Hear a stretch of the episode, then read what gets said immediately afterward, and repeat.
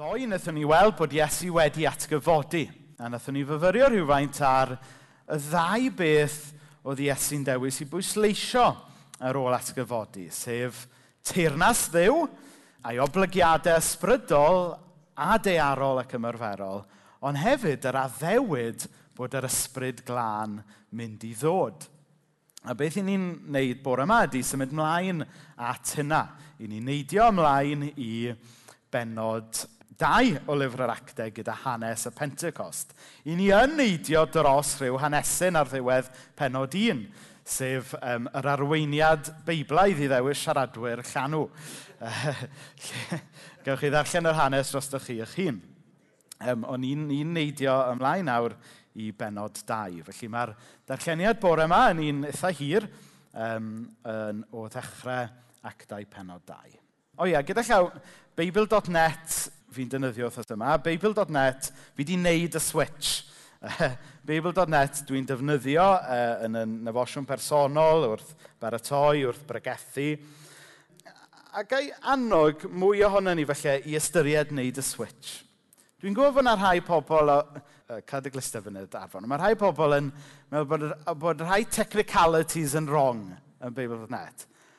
O, so hot os yw'n dod â gair dew yn fyw i'r genhedlaeth newydd. Ynddo fe? So, actau penod 2 o Bible.net. Ar y ddiwrnod dathlu gwyl y Pentecost, roedd pawb gyda'i gilydd eto. Ac yn sydyn, dyma nhw'n clywed sŵn o'r awyr, fel gwynt cryf yn chwythu drwy'r ystafell lle roedden nhw'n cyfarfod. Ac wedyn roedd fel petai rhywbeth tebyg i fflamau tân yn dod i lawr ac yn gorffwys ar ben pob un ohonyn nhw. Dyma pawb oedd yno yn cael ei llenwi ar ysbryd glân ac yn dechrau siarad mewn ieithoedd eraill. Yr ysbryd oedd yn ei galluogi nhw i wneud hynny. Bryd hynny roedd iddewon crefyddol o wahanol wledydd wedi dod i aros yn Jerusalem. Clywon nhw'r sŵn hefyd ac roedd tyrfa fawr wedi casglu at ei gilydd i weld beth oedd yn digwydd. Roedden nhw wedi drysu am fod pob un ohonyn nhw yn clywed ei iaith ei hun yn cael ei siarad. Roedd y peth yn syfrdanol. Ond nid Galil Galilea mae'r bobl yma'n dod, medden nhw, sut maen nhw'n gallu siarad ein heithioedd ni?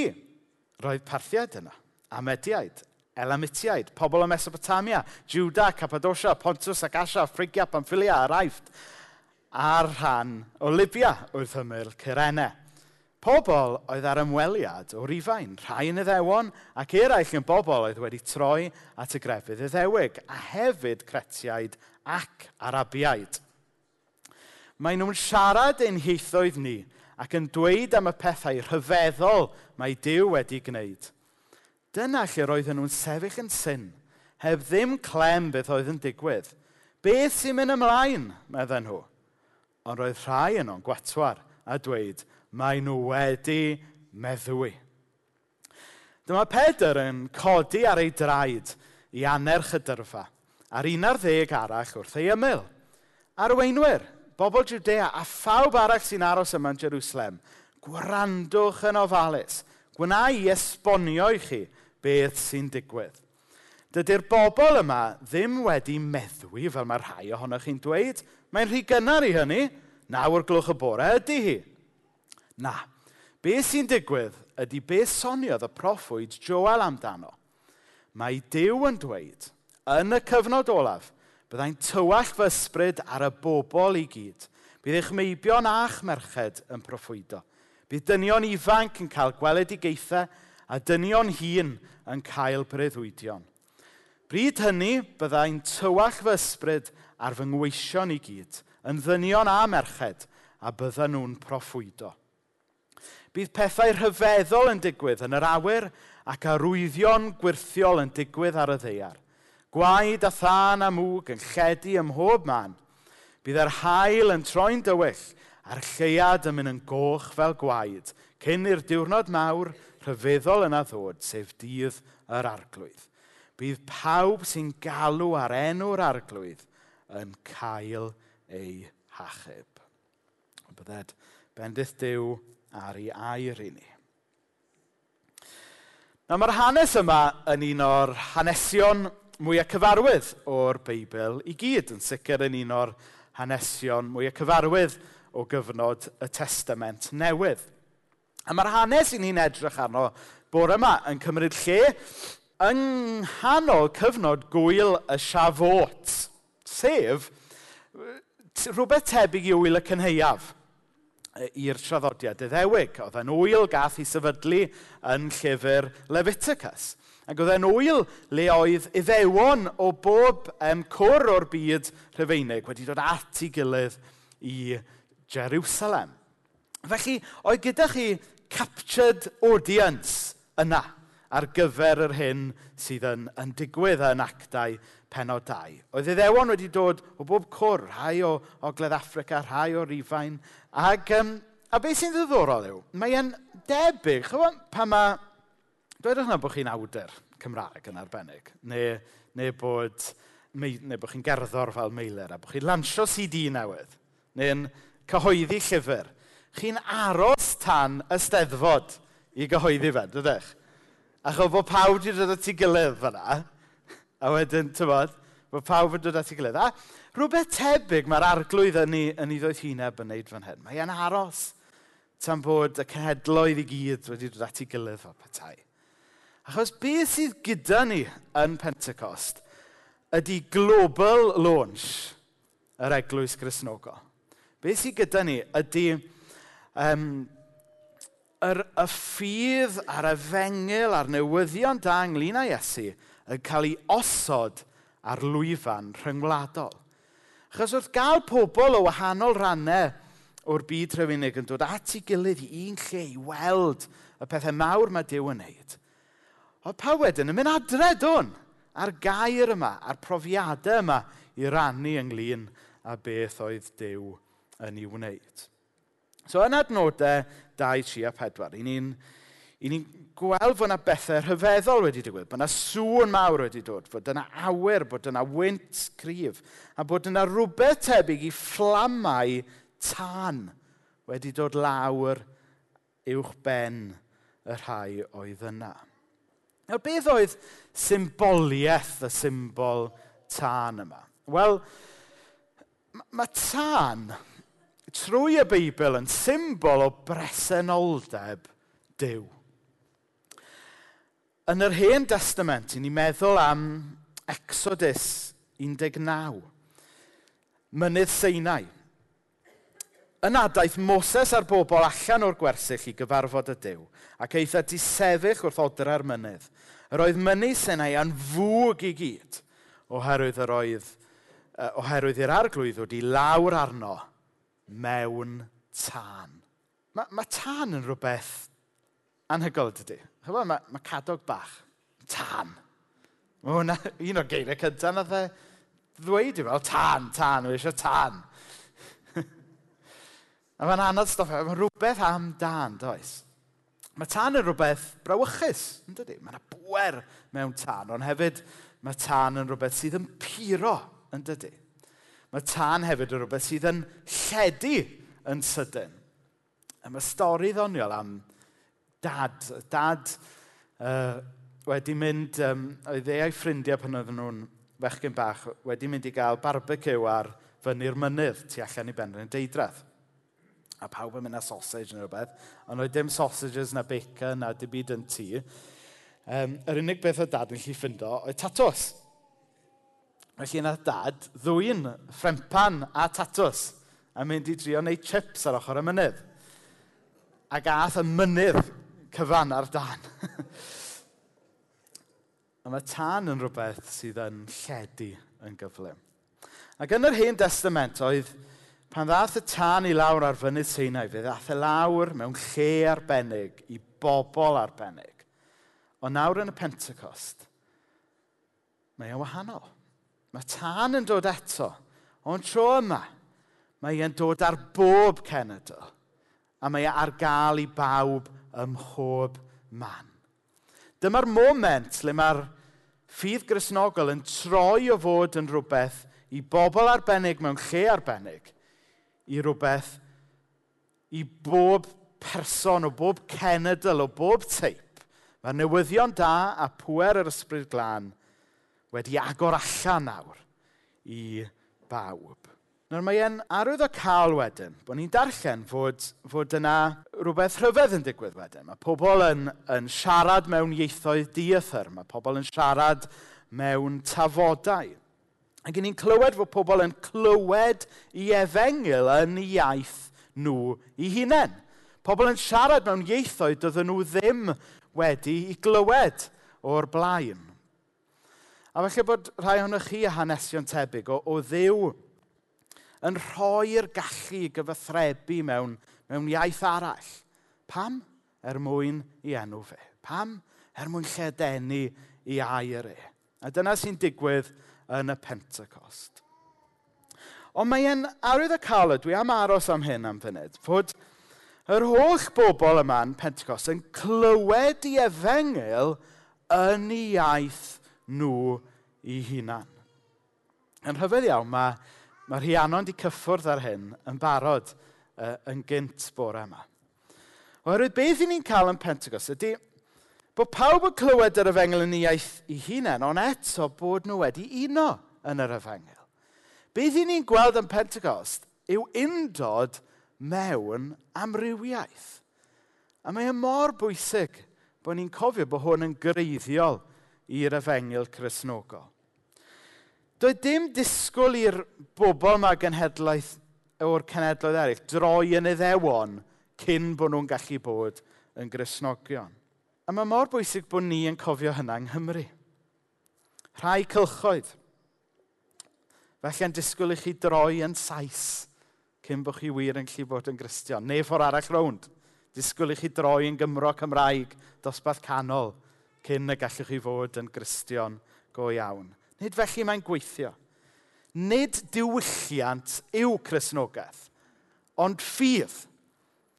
A mae'r ffydd grisnogol uwch ben diwylliant ac eto'n gallu plannu hun ym mhob diwylliant.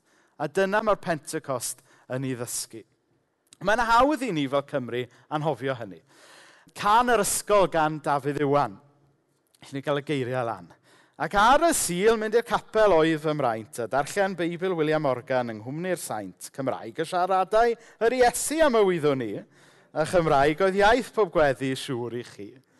A wedyn, a o'n i'n meddwl yn tyfu lan, yn dyfe? Dyna oedd lot ohonoch chi yn meddwl. Yn cofio Mark Owen sy'n weinidog dyn ni dy'r bydyddwyr yn, yn blentyn yn gofyn i'w rieni, pam bod gymaint o lefydd yn y Beibl wedi henwi ar ôl capelu yng Nghymru?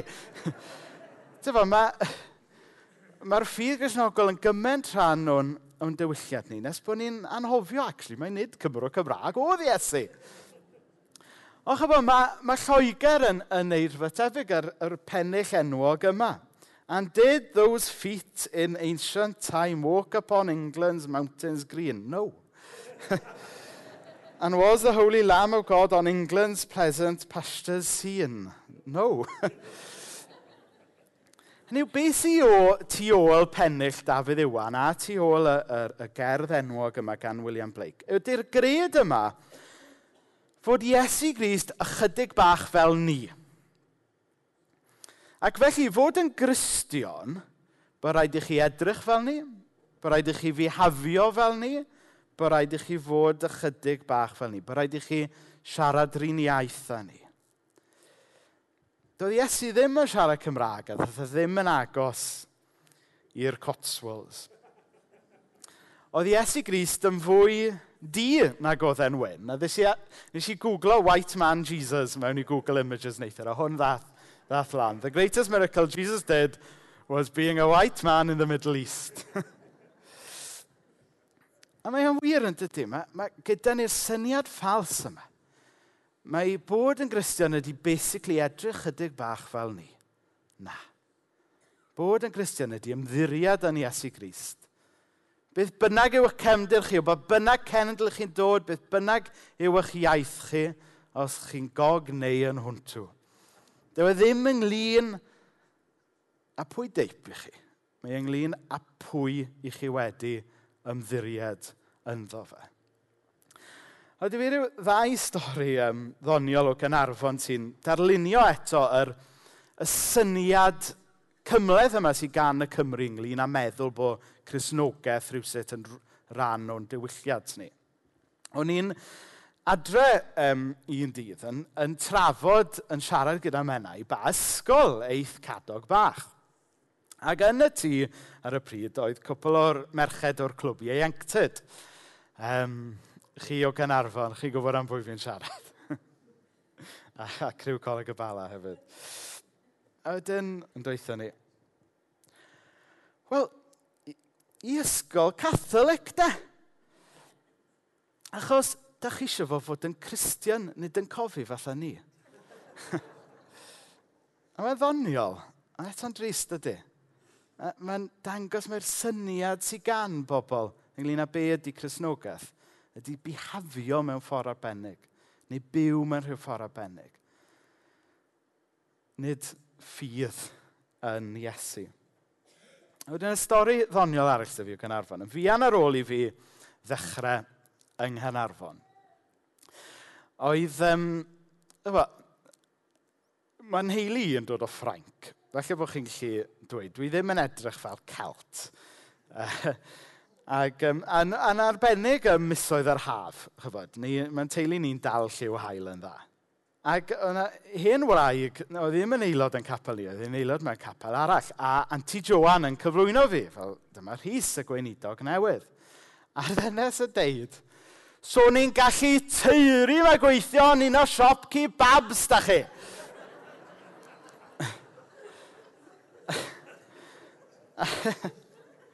Ydy oedd y wraig yma, gyda hi rhyw syniad yn doedd. Siwr dyle Cristion edrych, yn sicr siwr dyle gweinidog edrych. A o'n i ddim yn ffitio'r teip. Ond chi diolch y pwynt fi'n neud. Mae Pentecost yn atgoffa ni. Le ni yn codi muriau, mae Pentecost yn tynnu'r muriau lawr. Le ni'n meddwl bod rhaid i bobl edrych mewn ffordd arbennig, siarad mewn ffordd arbennig, dod i gynadleddau arbennig cyn cael ei derbyn. Mae Pentecost yn tynnu fel lawr. Oedd y bobl yn clywed yr yfengil yn eu iaith nhw i hunain. A mae mor bwysig bod ni gyda'n chrysnogaeth, gyfforddus, dosbarth canol Cymraeg yn cofio hynny. Yn fian wedyn, ar ôl i'r pethau rhyfeddol yma ddigwydd a pobl yn, yn siarad mewn tafodau, siarad mewn ieithoedd diethyr, Mae'r haters yn digwydd. Dyna lle roedden nhw'n sefyll y syn heb ddim clem beth oedd yn digwydd. Beth sy'n mynd ymlaen, meddyn nhw? Ond roedd rhai yn o'n gwatwar a dweud, mae nhw wedi meddwi. Wedyn Pedr yn codi ar ei draed, na, na, na, chi wedi cam ddeall. Dyn nhw ddim wedi meddwi, nawr gloch y bore ydy hi. Nawr, oedd Pedr, obviously, ddim wedi byw yn Neuadd Pantacalen. Achos oedd hwnna'n rhywbeth eitha normal yn neuaf Padtec Elen. Ond, Pedr nawr yn codi i esbonio beth sy'n mynd ymlaen. Yr un Pedr, wrth gwrs, oedd yn bach o lws canon. Yr un Pedr oedd yn cymryd un cam ymlaen yn ei ffydd gyda Iesu a dau cam yn ôl. Yr un Pedr wadodd Iesu. Ond eto, dyma'r dyn. Mae Dyw yn ei alw nawr i rannu y gair ar ddydd y Pentecost. A mae hwnna'n arwydd y cael fi'n meddwl. Bod Dyw yn dewis pobl fel Pedr i rannu i air. Achos falle bod rhywun yma bore yma'n tumlo fel bod chi ddim digon da i gael eich defnyddio yng ngwaith Dyw yng Nghymru heddiw. Felly bod rhywun yma'n teimlo bod chi wedi baglu unwaith yn ormod. Felly bod rhywun yma'n meddwl bod eich bywyd chi rhy fler falle i gael eich defnyddio gan yr arglwydd. Wel, os di Dyw yn dewis pedr fan hyn, mae yn eich dewis chi hefyd i siarad gwirionedd a newyddion da Iesu yng Nghymru heddiw. Nawr, beth sy'n ddiddorol am Pedr fan hyn? Mae e Mae'r ysbryd glân yn amlwg wedi gwneud rhywbeth rhyfeddol, goruwch naturiol, gwirthiol, rhywbeth allan o'r arferol. A wedyn, be mae Pedr yn gwneud? Mae'n esbonio beth sy'n digwydd allan o'r gair. Chi'n gweld beth sy'n digwydd? Mae gyda ni yr ysbryd glân yn ei rhywbeth rhyfeddol, a mae gyda ni yr ysgrythyr wedyn yn esbonio y peth. Mae gyda ni'r profiadau a'r gair yn dod gyda'i gilydd. A mae hwn yn neges bwysig iawn o hanes y Pentecost i Gymru heddiw. Oherwydd yn anffodus, mae Cresnogion yn arbennig falle yng Nghymru yn gallu bod yn traibl ynglyn â hyn. Mae gyda chi rhai Cresnogion sy'n gweld eu hunain fel pobl y gair, a rhai Cresnogion sy'n gweld eu gilydd fel pobl yr ysbryd. A mae yna rhywfaint o bryfadon gallu bod rhwng y ddau garfan yn does. Rhyw dynnu coes weithiau, sy'n go iawn yn fwy na tynnu coes, a mae yna sting yna. A mae yna galonau'n gallu cael ei brifo.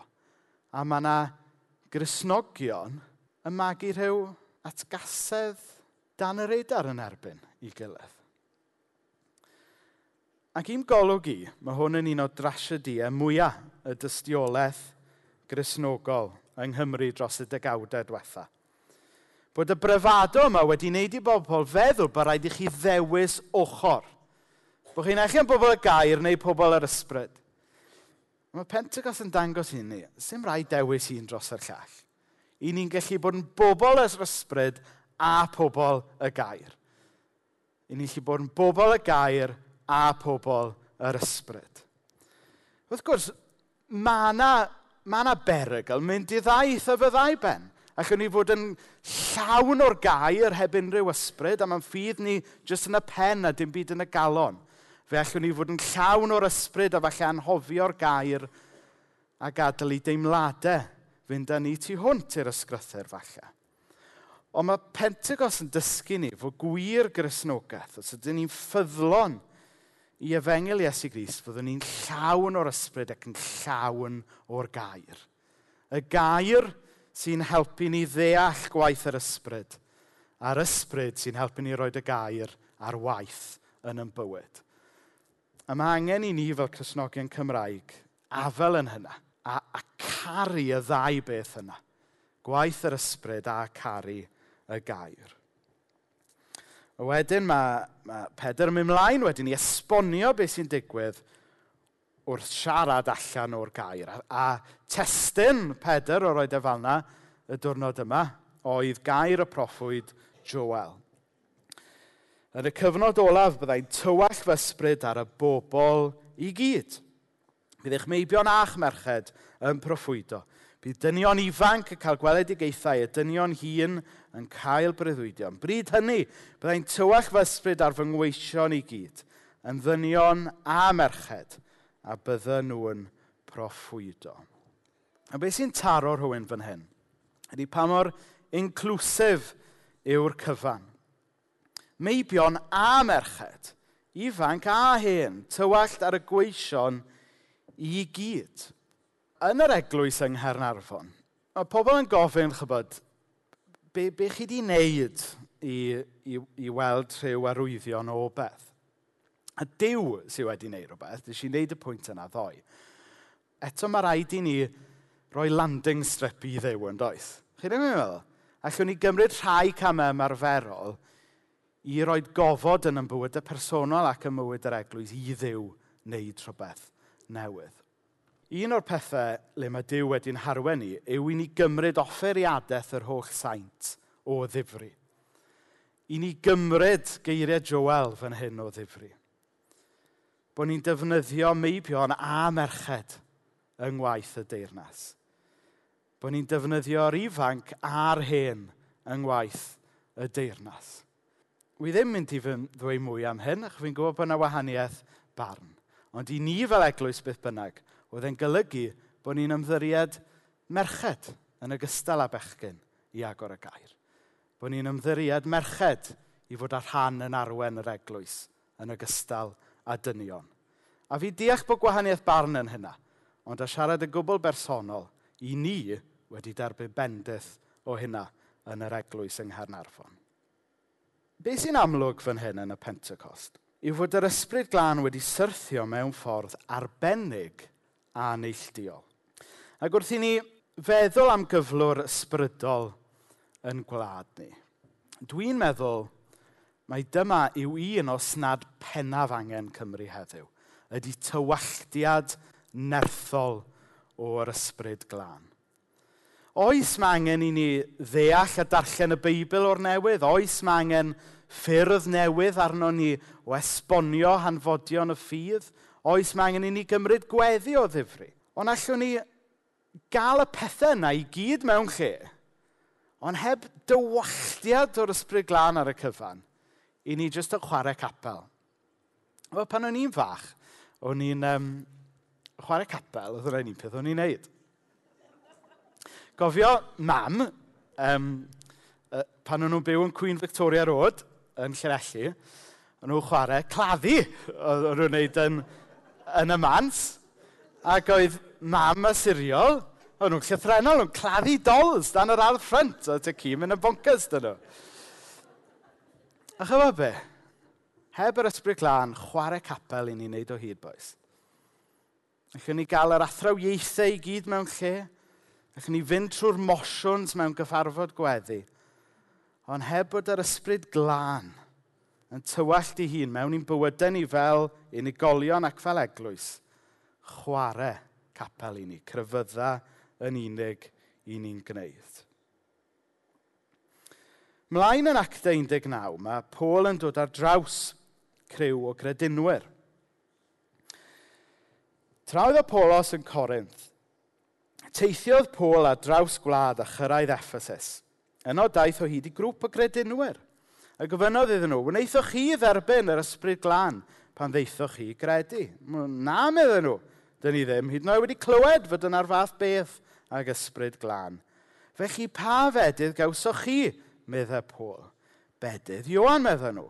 Y tebodd Pôl, bedydd i ddangos eich bod am droi cefn ar bechod oedd bedydd Iwan. Dwedodd Iwan wrth y bobl hefyd am gredu yn yr un oedd i ddod ar ei ôl, sef yn Iesu. Felly ar ôl clywed hyn, dyma nhw'n cael eu bydyddio i ddangos eu bod nhw'n perthyn i'r arglwydd Iesu.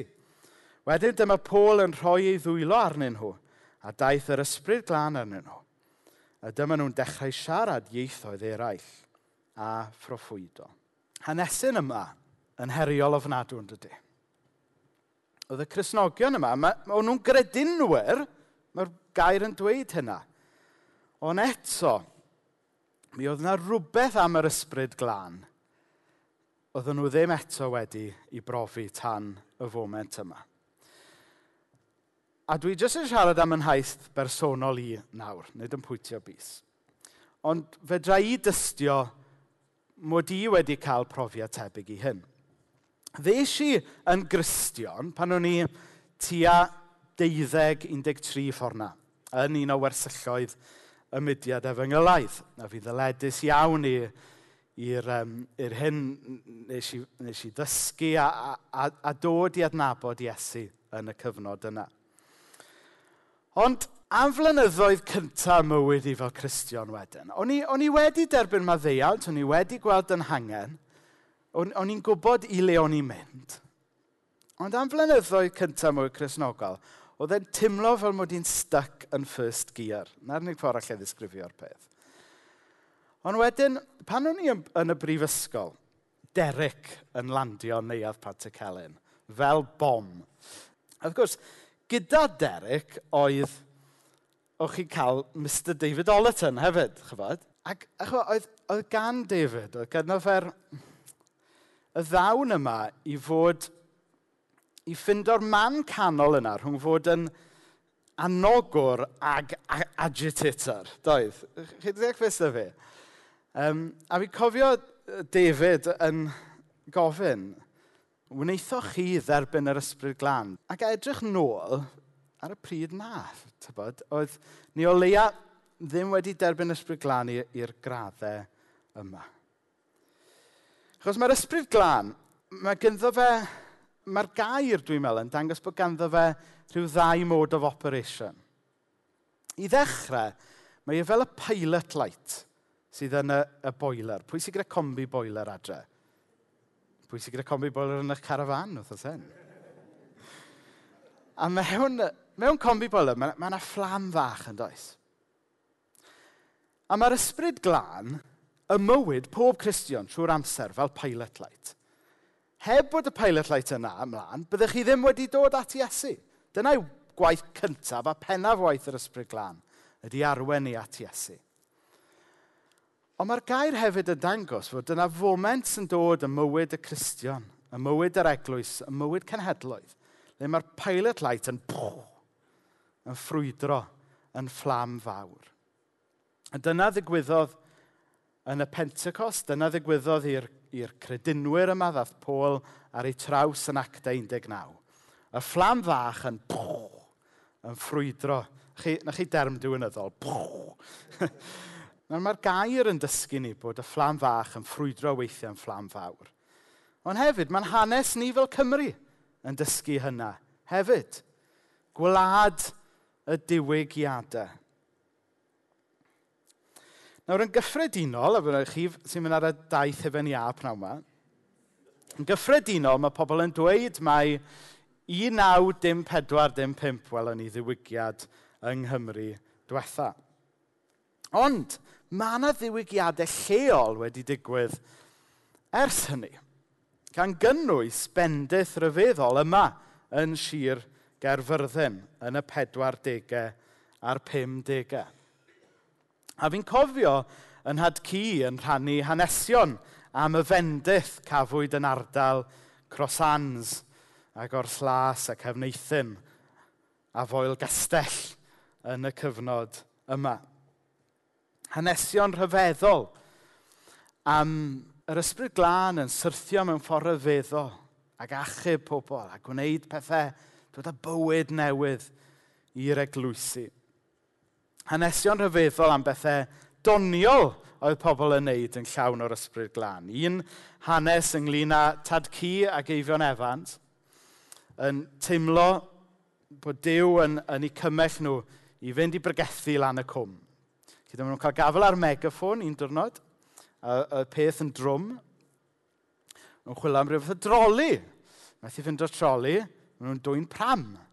Megaffon mewn i'r pram, dechrau bant ar y sgwar yn crossans, mynd am gefn Dyn cyrraedd canol cefn Eithan, gweld bod yna briodas mlaen yn y capel. Aros ti fas, tan bod pawb yn dod mas o'r capel, wedi dechrau pregethu bod e'n ddwrnod pwysig i chi fel teuluodd, ond mae yna ddwrnod pwysicach yn dod. Ta ci gwrido edrych nôl, bod nhw wedi tarfu ar y briodas. Mae'n dangos beth mae pobl yn neud pan maen nhw'n llawn o'r ysbryd glân. Bod yna angerdd, bod yna faich, bod yna galon i rannu ynglyn â Iesu ni'n mynd i weddio mewn munud bod yr ysbryd glân yn yn llenwi ni. A mae um, meilir mynd i ddod lan yn barod i'n, in helpu ni yn hynna. Hanesyn arall o'r cyfnod yna. Gŵr o'r enw Jacob Jones oedd yn un o blant y diwygiad. Uh, yn aelod yn y capel Leoteci yn, yn aelod yn Gors Las. A dyma sgwennodd Tyd Cian yn adrodd hanes Jacob, ac oedd yn, um, mewn cylchgrawn Saesneg oedd yr hanes. Jacob's prayers still ring in my memory. I remember, for instance, during the prayer meeting, somebody started singing a hymn.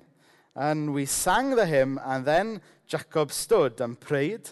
And this is how he started his prayer Thank you, Lord, he said, for being able to sing in the Spirit, Lord, he said. Singing without the Spirit is like tea without sugar. Medder Collier. Singing without the Spirit is like tea without sugar. Mae unrhyw grisnogaeth heb yr ysbryd glân, fel te, heb siwgr, fel curry heb chili. Beth bynnag yw'r illustration chi eisiau. Tybed ydych chi wedi blino byw y bywyd chrysnogol heb yr ysbryd glân? Tybed ydych chi yn dyheu i weld mwy o'r ysbryd glân ar waith y mywyd eich eglwys, ar waith y mywyd yn cenedl ni.